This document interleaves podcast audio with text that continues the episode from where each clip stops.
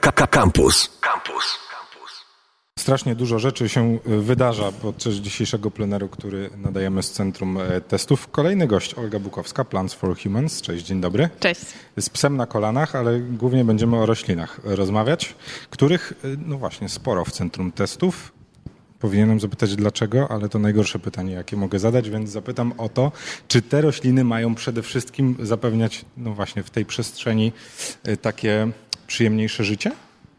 Tak, zdecydowanie. Chodziło o to, żeby stworzyć tutaj przyjemną przestrzeń, w której faktycznie wszystkim ludziom, którzy będą tutaj testować swoje, e, testować sprzęty, było przyjemnie to robić e, i żeby mogli znaleźć się w takich małych, cichych zakątkach, w których będą mogli to robić trochę e, intymnie.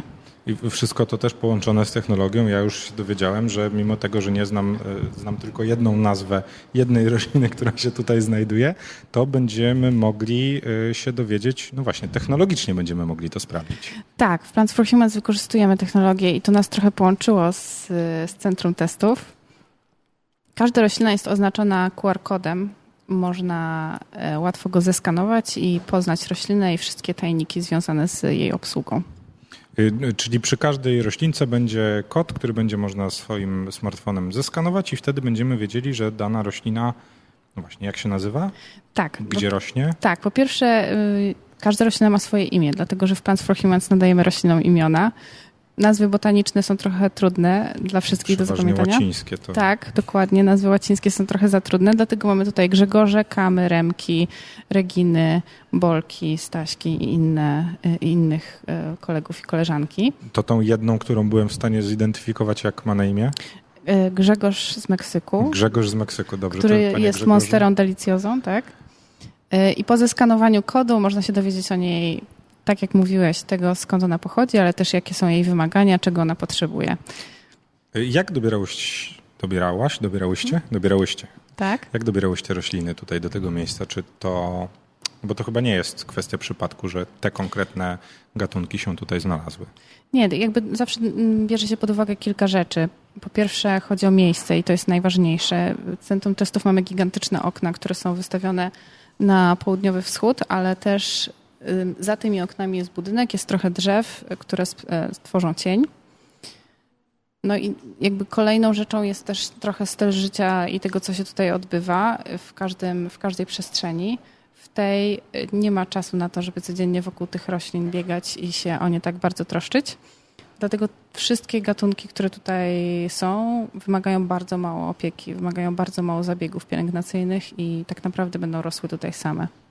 Czy to są też takie gatunki, które Właśnie, które każdy z nas mógłby mieć u siebie w domu. Tak. Znaczy, ja już się dowiedziałem, że niektóre z nich są strasznie drogie, co też mnie zaciekawiło bardzo, ale tak, o tym to, może za chwilę. Tak, to zdecydowanie to są, to są gatunki roślin, które, które nadają się do domu, do przeciętnego zjadacza chleba, który nie za bardzo ma pojęcia o roślinach. Specjalnie wybieraliśmy takie gatunki, które właśnie nie wymagają szczególnej wiedzy botanicznej. Widzę jeszcze drugą aloes chyba, którą kojarzę. To nie jest aloes, to jest Sansevieria cylindrica. Wygląda Nazywana jak aloes. Tak, ona jest tak posadzona śmiesznie, że wygląda tak kosmicznie, ale ale z Sansevierią wymaga praktycznie niczego.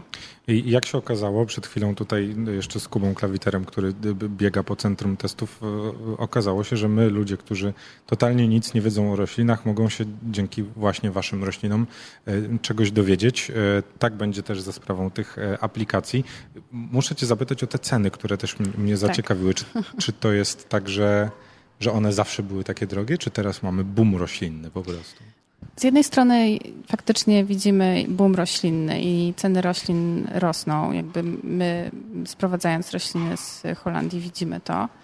Y, to wynika z różnych czynników, również ze zmian klimatycznych, dlatego że rośliny są uprawiane w różnych zakątkach na świecie i y, te koszty uprawy roślin na świecie rosną. Zdarzają się też susze, które na przykład potrafią wykluczyć jakiś gatunek, który był normalnie powszechnie dostępny na kilka lat, ponieważ uprawy giną. Ale ceny roślin przede wszystkim są zależne od ich wielkości, czyli te rośliny, które mamy tutaj, one faktycznie są dużych rozmiarów. można znaleźć rośliny duże, które nie są tak, tak drogie, ale faktycznie duże, dwumetrowe rośliny trzeba w nie trochę zainwestować. Powiedz mi, czy istnieje już taki, czy można kupić złą roślinę? Bo bardzo tak. często mówi się o tym, że no właśnie, mamy cały ten teraz zielony motyw życia, mhm. czyli, czyli próbujemy jeść mniej mięsa albo w ogóle przechodzić na wegetarianizm albo weganizm. Mówimy o tym, że plastik niedobry, żebyśmy nie używali zrywek i tak dalej, i tak dalej. Czy w przypadku roślin też można popełniać jakieś błędy tak. albo można się ich wystrzegać? Tak. Wiesz co, wydaje mi się, że przede wszystkim i w Plants for Humans staramy się to jakoś naprawiać, dlatego że proces, jakby błędy zaczynają się już na samym początku, to znaczy w procesie wyboru rośliny. Chodzi o to, że wchodzimy do kwiaciarni i wybieramy to, co nam się podoba, to znaczy wybieramy najładniejszy liść i myślimy sobie, o, postawię go sobie tutaj. Mimo, że ta roślina nie nadaje się do tego miejsca, jest super wymagająca, e, będzie, zupełnie nie pasuje też do nas. Mm, pierwszą i podstawową rzeczą jest wybranie rośliny jakby raz. Musimy się zastanowić nad tym, w jakim stanowisku, gdzie my chcemy ją postawić w naszym domu. I to jest taki moment medytacji, że stajemy w tym pomieszczeniu, patrzymy skąd przychodzi światło, jak długo ono tam jest, czy to jest okno wschodnie, zachodnie, północne, jak to wygląda. A później zastanawiam się nad tym, jak my żyjemy. Czy my mamy czas na to, żeby spryskiwać codziennie roślinę? Czy mamy czas na to, żeby e, myć jej liście albo bawić się z, z jakimiś drobnoustrojami, które mogą się na niej pojawić? Są gatunki, które będą wymagały od nas takich zabiegów, a są gatunki, które zupełnie poradzą sobie absolutnie same ze sobą. Postawione w dobrym miejscu będą rosły sobie same. A jeżeli chodzi o źródło zakupu takiej rośliny, to czy, czy to też ma znaczenie? Czyli nie wiem, czy jeżeli wybiorę ten taki duży market, który też ma dział ogrodniczy, to ok, czy raczej powinienem wybierać, nie wiem, lokalnego dystrybutora? Więc to znowu jest trochę historia o tym, w jaki sposób rośliny trafiają do sklepów. To, i, i, i to, i to się różni. Rośliny są uprawiane w różnych miejscach na świecie i szklarnie w Holandii, Holandia jest takim potentatem europejskim, to stamtąd pochodzi pewnie 90% roślin, które są we wszystkich kwieciarniach w Polsce. Szklarnie w Holandii są tak naprawdę ostatnim etapem. I teraz w szklarniach odbywa się takie coś, co nazywa się hartowaniem roślin. To jest czas, kiedy ta roślina, która przyjechała na przykład z uprawy na Kostaryce, ma czas do, na to, żeby się przyzwyczaić do europejskiego światła, do europejskiej temperatury, składu wody, składu powietrza. I ten czas jest różny.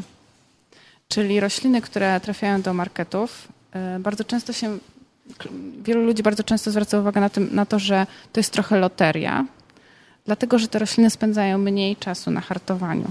One przyjeżdżają do Europy, spędzają na przykład tydzień w szklarni i od razu wyjeżdżają do dużych sieci handlowych. Natomiast e, takie rośliny, one też mają swoje klasy jakości. Rośliny klasy jakości A spędzają w szklarniach dużo, dużo więcej czasu. One są hartowane, są przyzwyczajane do tego, że jeżeli faktycznie trafią do domu, to szansa na to, że to nie jest już loteria, ich, ich przeżywalność nie jest loterią. Czyli przede wszystkim przed zakupem roślin do domu powinniśmy się sami wyedukować.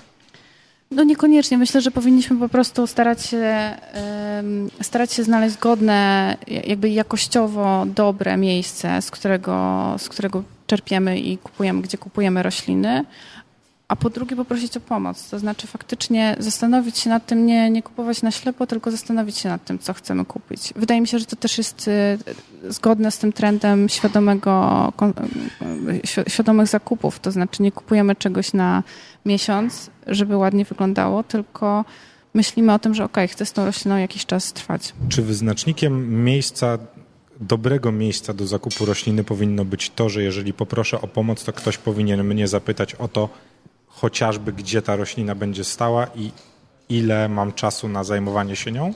Czy to może być dobrym wyznacznikiem? Tak, i to, to jest jakby pomoc i taka obsługa klienta to jest zdecydowanie jeden z wyznaczników. I jest wiele takich miejsc, w których faktycznie są ludzie, którzy znają się na roślinach i potrafią ci pomóc. I doradzą ci nie na poziomie wyboru czegokolwiek, tylko faktycznie odradzą ci roślinę, w której jesteś zakochany, bo ma po prostu niesamowite liście, ale zauważą to, że ta roślina nie nadaje się do tego miejsca, o którym mówisz, albo że niekoniecznie nadaje się na jakby jeszcze na przykład na twoje umiejętności. No dobrze, to my w takim razie przyjmujemy te wszystkie lekcje i zachęcamy do tego, żeby nie tylko technologią się zainteresować w centrum testów, ale żeby przy okazji technologii sprawdzić te piękne rośliny, które tutaj stoją. Olga Bukowska, Plants for Humans, była moim gościem na antenie Radia Campus. Bardzo Ci dziękuję. Dzięki. Słuchaj Radia Campus, gdziekolwiek jesteś. Wejdź na www.radiocampus.waw.pl